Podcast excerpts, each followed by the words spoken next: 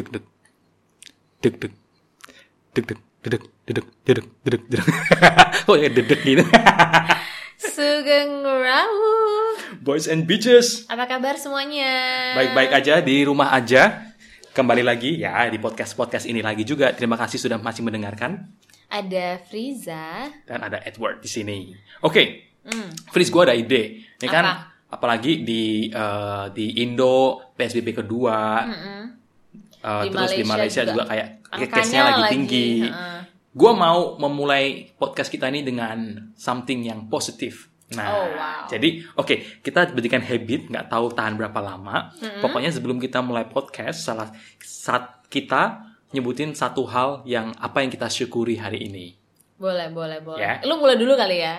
Gue mulai dulu. Eh, hari ini gue bersyukur karena gue tidak merasa tergesa-gesa.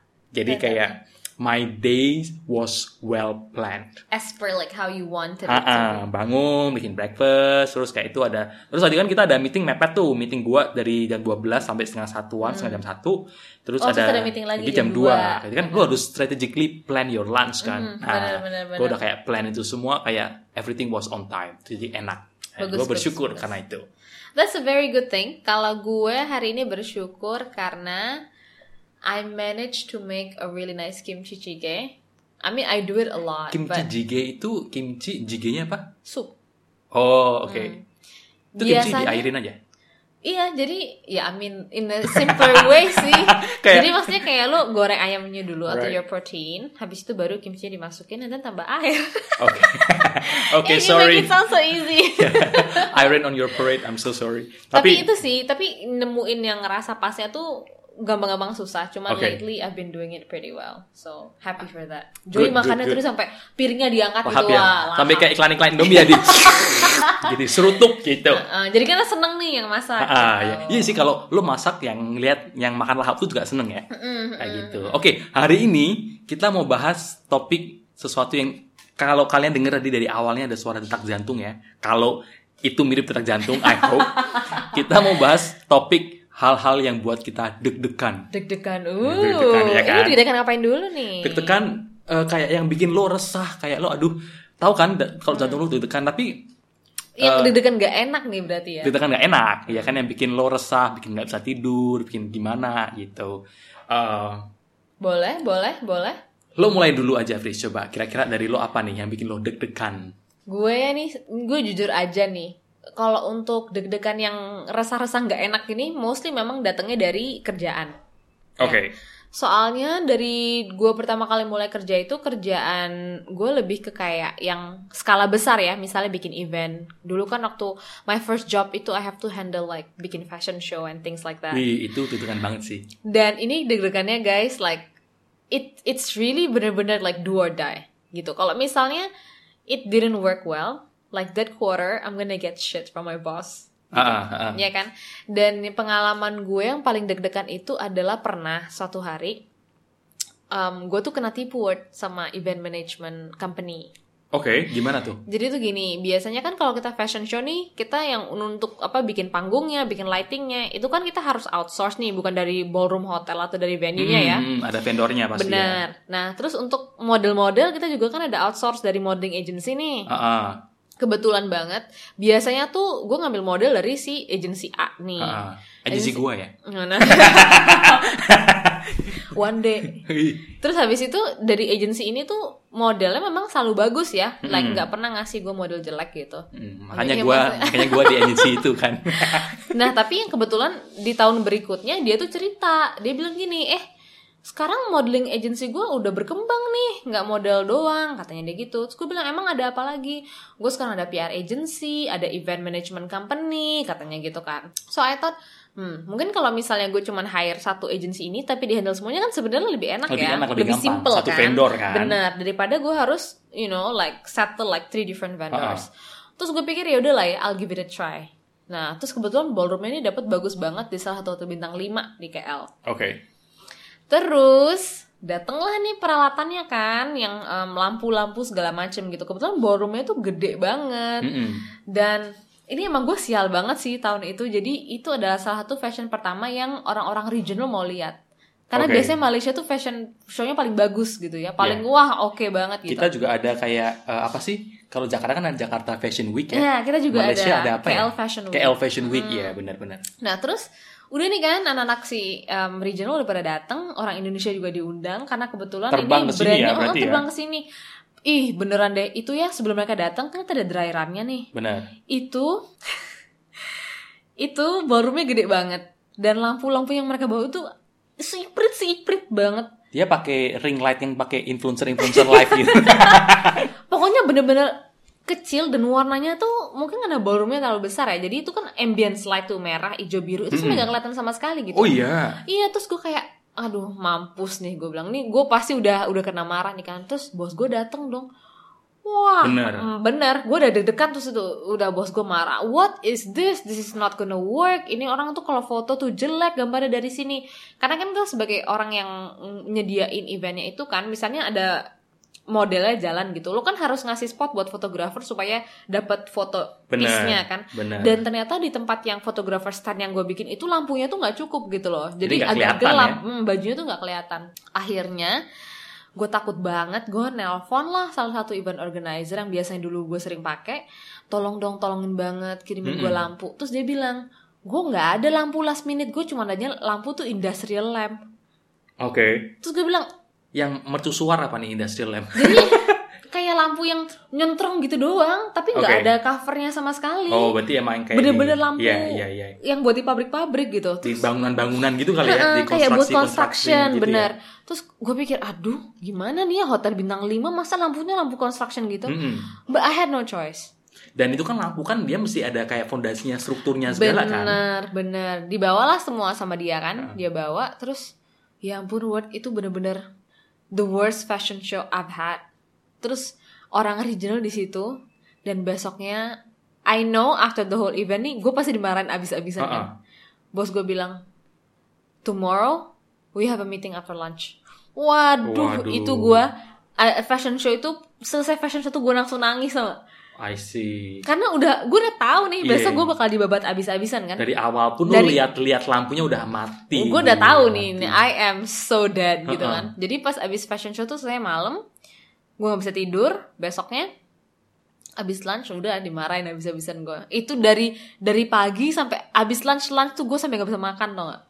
Tapi apa kata vendornya? Dari vendornya Ya jadi waktu gue nanya kan ini kenapa kok lampunya kecil banget gitu dan ternyata mereka bilang loh ini kan yang ada di quotationnya which you already okayed gitu. I see. Tapi gue jadi vendornya juga tergantung ya. Kalau gue di posisi vendornya, gue juga deg-degan karena deliverable gue berarti nggak bagus. Hmm, ternyata enggak kalau dari vendor ini dia kagak peduli bro. Yang penting Dan duit masuk. yang itu penting duit masuk ya. dan emang ini adalah waktu itu event terakhir yang kita pakai dia karena model-model yang dia kasih itu sama sekali bukan sample size.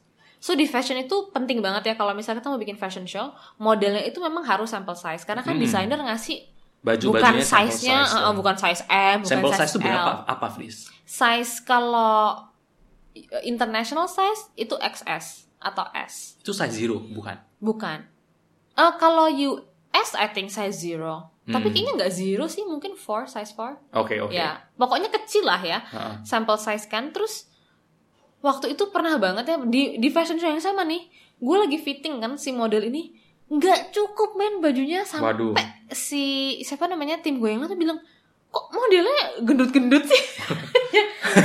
yang batch ini tuh sampai nggak bisa diresleting tuh nggak jadi modelnya juga kayaknya tekanan batin ya jadi modelnya. Lumayan, maksudnya kan lo harusnya kan bertindak seperti hanger gitu ya. Yoi. Yang maksudnya lo pakai baju apa aja tuh bagus gitu. Yoi. Ini kita sampai dua orang ngurusin resletingnya Tapi bisa dia. Tapi harus Nggak dipaksa. bisa, akhirnya pakai peniti atasnya. Aduh, Hmm. oke. Sejak itu kita benar-benar kecewa sih. Akhirnya langsung ganti model agency. Tapi dari itu yang bisa dipelajari apa, Fris? Dari masalah ini? Oh banyak men. Jadi yang yang gue belajarnya itu karena kerjaan pertama gue kan ya. Mm-mm. Jadi guys nggak apa-apa. Do mistakes itu nggak apa-apa. Well, I think I'm still lucky ya. Maksudnya ini even though ini ratusan ribu ringgit, cuman ini bukan million ringgit gitu. Mm-mm. Tapi tetap duit dan itu Tapi tetap duit. event bener. tuh bukan mungkin lu kalau online marketing visual lo salah bisa di stop dulu. Iya, kalau ini nggak bisa. Ini nggak bisa jalan ya udah. gitu Bener. kan. Terus uh, kalau menurut gue ketika lo berada di posisi yang you know that you're so screwed, Mm-mm. jangan langsung kayak nangis di tempat ketika lagi ada acaranya itu. Yeah. Tapi you have to really make the best out of it. Misalnya lo tahu it didn't go well, you have to show that you are willing to compensate gitu. Misalnya like do extra on certain things atau misalnya uh, make sure that hal-hal yang lainnya tuh bagus, lancar and still leaves a good impressions gitu. Jadi Yeah. misalnya uh, orang-orang majalah yang datang artis-artis they didn't really like the whole fashion show tapi mungkin kalau misalnya kita servisnya bagus atau misalnya kita ramah sama mereka goodie bagnya bagus mungkin mereka pikir oh ya udahlah ya Iya iya iya iya. Dan gua rasa juga itu di mana lo di tes untuk bergerak cepat kan. Jadi kalau lo mesti nelpon vendor lain kayak gimana gimana. bener bener Ya kayak gitu. And jangan stres soalnya kalau misalnya emang sih jangan stres like it's easier said than done. Tapi ketika lo panik, jangan panik sih sebenarnya. Ket- Ketika lo panik, lo nggak akan bisa berpikir kayak siapa yang harus lo telepon, Mm-mm. what you should do next, what do you need to fix gitu tuh udah nggak ada gitu. Tarik napas dalam-dalam, oke oke, Uh-uh. breathe breathe, and, then, oke think, what's what's yeah, how to fix it, how to fix it. Ah. Jangan jangan lo stuck di kayak kenapa why is this happening to me why is it Hmm, me you know, blaming jangan on the gitu. situation ya. Nah, jangan blame it on the situation tapi fix it Benar. Hmm. Kalau gua yang gua nggak suka itu bikin gua deg-degan adalah something last minute. oh Gua nggak suka banget.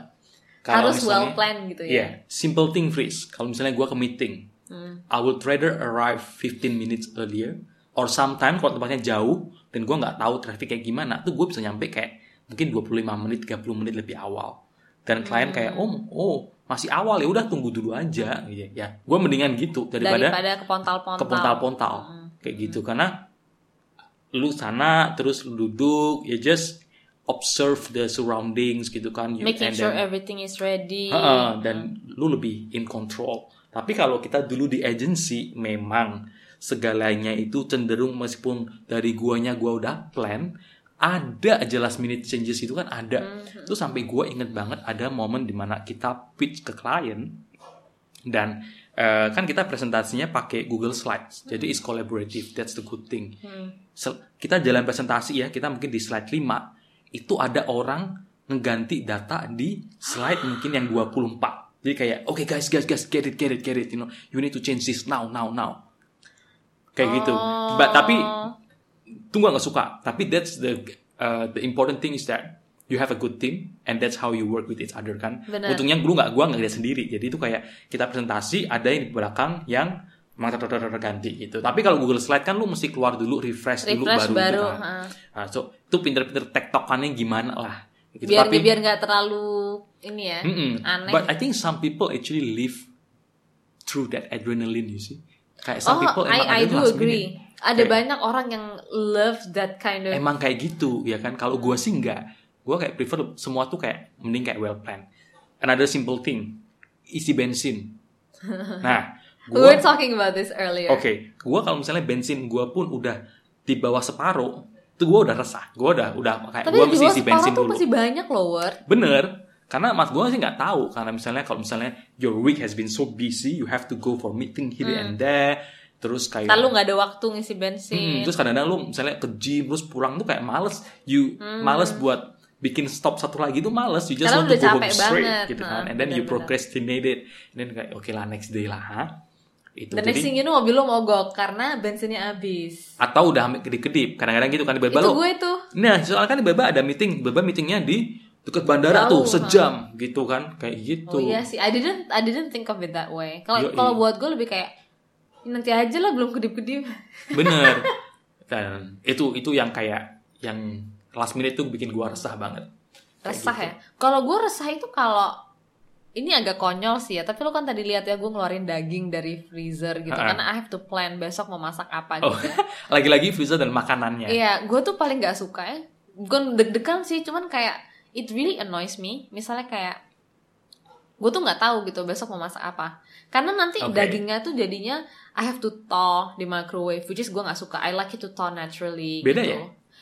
Nggak tahu sih. Perasaan cuman, aja ya. Cuman kalau kayak di thaw microwave tuh kadang-kadang ada some part udah mateng duluan. Oh benar benar Nah, benar. Itu gue nggak suka. Ya soalnya Friza ini kemarin teks gua kayak Ed nih besok gua mau masak ini nih gini. Lo mau nggak gitu kayak tuh gue low key thinking wah gila nih anak besok aja udah tahu masak apa gitu kayak gue rasa nih dia kalau kita dulu zaman SD SMP ada jadwal piket Senin sampai Sabtu ini bisa nih jadwal Iya. piketnya jadwal makanan Bener, bener, breakfast bener. lunch dinner ya kan Sebenarnya ini udah low key mendingan. Like awal-awal gue ikut F45 kan niat banget kan pengen clean eating and everything. Gue schedule-nya a week ahead. tapi memang that's the key though that's the key to Actually, meal that's the prep key. Tapi susah karena menurut gue after a while kayak duh harus masak banyak and everything. Gue orangnya suka bosen kan, so I Ah. harus ganti-ganti. soalnya lo bosenan ya kalau gue kayak ini gue makan udah kayak tiga hari ini gue makan hal yang sama No, I which is cannot like cabbage that. omelet I karena kayak gitu Ya Kan- orang beda-beda sih. Hmm. terus Apalagi nih deg-degannya. eh, Oh, gue ada yang di agensi waktu itu. Kan dulu gue account manager ya kan. Biasalah account manager nih yang tugasnya firefighting nih most of the time. Soalnya namanya juga client facing ya Ah, ah, jadi uh, frontliner istilahnya kalau frontliner. Jadi cerita frontliner ini lumayan menarik karena klien gue itu salah satu bank yang gede. Mm-mm. Orang bank itu internasional ya bank ini. interna- internasional. Mm-mm. Dan orangnya tuh sebenarnya apa ya very reasonable. Cuman ya namanya juga orang salah. Excuse me. Kita nggak bisa memprediksikan kalau dia akan salah gitu. benar Gue lupa itu kalau nggak salah visualnya yang salah atau kopinya yang salah. Pokoknya atau overspend gitu. Pokoknya it actually cost a lot of money. oke oh Gitu ya. man Dan itu bukan salah gue ya by the way. Itu salah tim gue gitu ya. Oke. Maksudnya another team lah. Kan kan gue harus I have to be the one yang dimarahin Bener, sama lu nggak klien bisa kayak kan. nyalahin orang Nyalahin orang lain bener. Dan tips menjadi account manager yang baik adalah kalau misalnya salah, blame it to everyone. Maksudnya blame it to you as a as a whole agency. Kayak Jangan we pernah apologize ya we apologize. Jangan bilang actually it's not my fault. It's like Yeah. siapa-siapa itu tuh nggak boleh. karena they don't itu. see you as individual Exactly, they correct. see you as a team Terus ketahuannya nih malam nih, jam-jam setengah sepuluhan gitu. Terus si kliennya marah dong, dia bilang, I want to see everyone tomorrow at night in my office. Waduh, itu gue udah tahu nih. Aduh, fuck, fuck, fuck, fuck, fuck. Ini gue pasti udah abis nih besok gitu ya. tidur gak nyenyak gak sih Gue nggak bisa tidur men sampai jam 6 pagi actually. Akhirnya gue tidur cuma satu setengah jam. Terus langsung ke kantor, eh langsung ke kantornya si klien, dimarahin, abis-abisan. I was actually quite scared karena kan kita di sini tinggal pakai uh, work visa, right? Ha-ha. Gimana kalau gue dipecat? You know that kind of Yeah, thing, yeah, yeah, right? yeah. Karena we never know, we never Bener. know, and it was my first job in agency, Ah, and- okay. which is like my first and my only job in the agency. oke I didn't wanna screw it, right? Terus akhirnya berapa bulan tuh Fris berapa bulan di itu agency gitu I think sekitar sekitar enam bulan plus Hmm, ya hmm, hmm. so getting to know the client udah lumayan cuman Oke. not too close gitu ya akhirnya setelah dimarahin abis-abisan oh, beruntung banget ya bos gue tuh baik banget and then he kind of realize oh you know don't worry gini-gini segala macam terus itu sih yang bener-bener gue takut ini deg-degannya lebih ke Iya. takut ya tapi itu meetingnya lo sendiri atau sama tim lo juga ada yang itu meetingnya gue sendiri sama bos gue itu dong oh itu yang operation timnya nggak ikut ya Gak ikut, gak ikut. oke Ya itu dimarahinnya terpisah lah. Dimarahin Iya, sama iya, bos iya, gue iya, terpisah. heeh. itu gue juga pernah tuh dimarahin klien ini tapi ini kliennya emang ada brengsek sih itu kliennya pun dia nggak bayar. Akhirnya nggak bayar karena dia merasa kayak Kerjaannya jelek gitu. kerjaannya jelek. Padahal ya karena emang lo nya yang jelek. Jadi give you background uh, a context ya. Aha. ini ini orang reputasinya online tuh dia kayak udah nggak bagus. Hmm. karena oh ini scam nih. Ini ini apa nih? Kayak gitu. Nah terus dia mau bikin kita kayak uh, reputation management Oke. online jadi dia mau artikel-artikel jelek tentang dia yang kalau lu type namanya dia Yang artikel jelek nih nggak ada first lagi. page ini dia keluar yang ini oh ini scam ini nipu kayak gitu dan gua juga nggak tahu kenapa kita ambil job itu Ini nanti habis dikasih tahu ya company yang mana. Yoi, oke. Terus pada akhirnya gue yang handle kliennya itu. Wah, tiap kali ketemu memang kliennya tuh emang kayak anjir. Emang ya, ini gimana nih? Kok kok kok, kok gini lah istilahnya? We have done our best, tapi kayak ada juga emang tim gue kayak salah gitu. Jadi lu misalnya nggak bisa asosiasikan nama dia dengan hal A kayak gitu Aha, terus somehow somehow kesebut di salah satu Wah, yang konten yang kita bikin kayak terus? gitu terus gua udah jelas-jelas bilangin ini gini nih kayak gitu kenapa masih begini kayak gitu tuh udah gue di situ tuh sempat ganti yang senior gue juga ada yang cabut diganti orang itu terus kayak si orang ini juga kayaknya kamu baru ya kamu bosnya dia iya coba coba saya tanya sama sama kamu ya Oh kalau kayak gini wah gila men tuh meeting gue juga andir itu kayak Ya, kayak lo ini banget gak sih kayak melas banget gak sih habis meeting tuh? Iya tapi juga lu bisa lihat staff dia, staff mereka tuh dan kita meeting nggak sendiri ya. Kenapa staff mereka tertekan? kelihatan banget, kelihatan Ya banget. ya. Terus juga ada yang dia meeting kita sama salah satu PR agency dia, company lain. Hmm. Tuh juga dia kelihatan, oh oke oke oke oke, gitu-gitu. Oh my god, bener-bener emang mereka udah dari awal tuh udah assert their power that way. gitu. Yoi, dan gitu kayak gitu. Terus kan Penasaran banget gue ini siapa sih? bapaknya, jadi tuh dia tuh kayak somehow is a is a family business that grows into big gitu. Jadi kayak istilahnya kayak Oh, berarti ini masih agak tradisional bukan Iya, like tapi big bayangin corporation is gitu. kayak grup Ciputra di Indo. Itu kan grup besar, tapi kan it's still It's family, family business, business, atau oke. lipo gitu kan. Istilahnya ini something like that in a smaller scale. Oke. Kayak gitu. Terus gue bisa lihat anaknya, pokoknya paling berani anaknya dong. Anaknya tuh kayak he's more composed Mhm. and he always try to like uh, fire extinguish the anger from the father. Jadi dia Oh, bilang that's kayak nice though. Iya cuy, guys guys so terus kamu yo ini yo kamu kamu gitu kan terus dia cabut, oke? Hah? Staff A, staff B, you settle, oke? I want to Wow. know this done kayak gitu. Wow. Terus dia Oh cabut God, gue gitu kan. pasti udah intimidated banget. Iyo dia cabut terus anaknya yang bilang kayak uh, guys don't worry, so this is so here's what we gonna do kayak gitu. Jadi kayak ada bumpernya lah, ada yang kayak mempolish yang permukaan yang udah kasar ini. Hmm, Wah gila akhirnya juga nggak bayar kayak si anjir. Gila ya, itu parah banget sih. Udah gitu banget. gak bayar lagi. What? Like waste your time and effort. Iya kayak nama lu udah jelek cuy. Iya, Jadi iya, kayak benar-benar. istilahnya kita mau gimana pun Udah ya nggak tetep akan orang bisa. Tuh, orang Ah. tuh pasti bisa cari tahu. Mm-mm. Itu sampai ya kan dia banyak orang yang ngomongin di forum-forum gitu Fris ya. Nah, terus Kita tuh harus ada forum seeding gitu. Jadi kayak misalnya orang ngomong-ngomong mau ah, jelek ini- terus ini- lo harus mau- bilang enggak Actually, kok." Oh, wow. Kayak gitu. That goes a long way. makanya gue bilang anjir ini terus kita juga kayaknya akhirnya kita memahami kayak ini kayaknya nggak bisa nih kita kayak gini terus. Dia nggak bayar ya udah pergi daripada Don't, klien nggak usah, don't karyawan gue nggak happy. Benar-benar. Ya kayak unhappy employee equals to unhappy customers kan. Wah, Kayak bener-bener. gitu bener. akhirnya. Gila ya. Deg-degan. Tapi itu So ekstrim. iya sih itu deg-degan karena ya emang kliennya ngehe aja sih, Ya benar-benar. ya kan? Uh, that's that's pretty serious though. Bener. Kalau gue ada pernah deg-degan yang I think as as close to like what you felt. Tapi ini tuh the fashion show juga, which is which happened the year after. Jadi ini masih ngomongin uh, baju lebaran ya. Mm-mm. Waktu itu zamannya biasanya kita cuman punya baju lebaran buat perempuan doang. Tapi in that particular year, kita juga bikin buat laki-laki. Dan entah kenapa guys, desainer yang bikin baju apa muslim buat laki-laki ini go to a very hipster kind of view gitu ya. Di mana yang baju gamisnya tuh yang dari kulit, which is like Malaysia tuh panas banget, you know. Bayang gak sih ketek lo basah, Terus like pakai baju kulit gitu. Kirain dia Supreme atau Off White. Terus pokoknya dia hipster gitu, jadi modelnya dia mau yang semuanya pakai aviator dan segala macam. Tapi yang bikin gue pengen pingsan adalah kita biasanya ngasih desainer itu pakai lagu-lagu terserah mereka lah ya, like Uh-uh. whatever song they want. Gue nanti disensor ya. Jadi basically waktu modelnya keluar lagunya tuh yang fuck fuck kiss my pussy pussy. Oh my god, and Gak that usah disensor laster. juga sih, Fis. Tadi juga lu udah ngomong itu banyak banget. Biarin aja Oh, deh. iya. Biar Dan aja. itu that song Lebaran ya. for five minutes, you know. Terus gue udah lihat ya kan bos gue duduk di front row kan.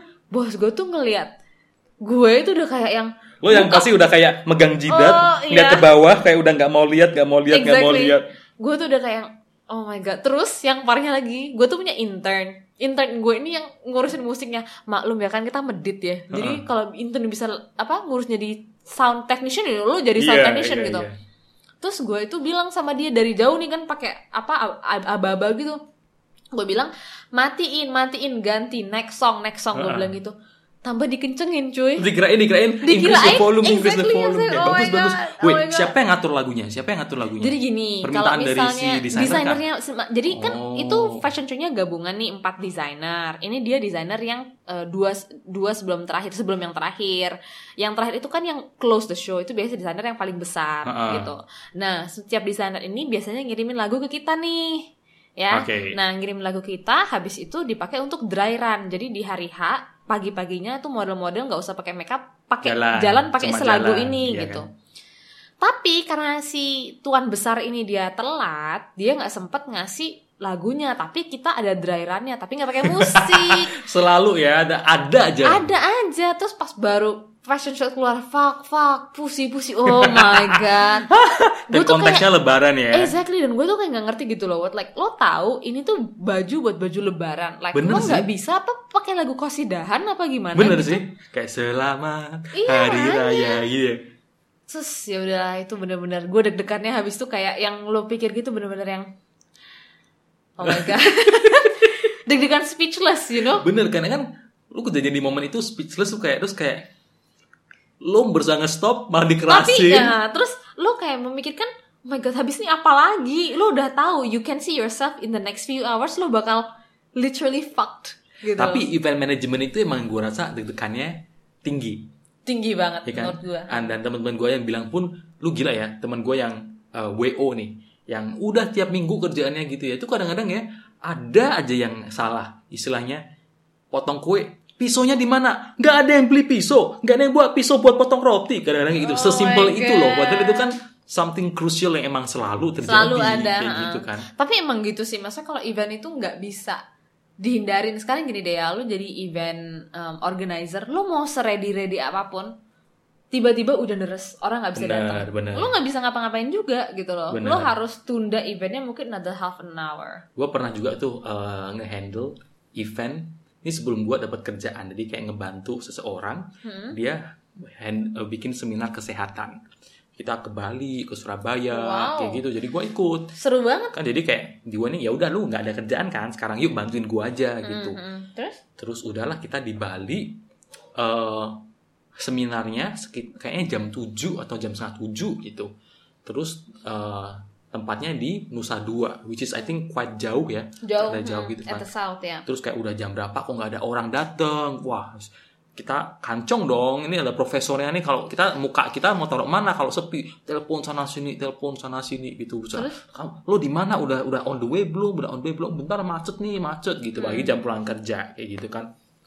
Dan gua rasa eh, simple lagi ya. Nggak usah deg-degan yang kayak event management skala besar.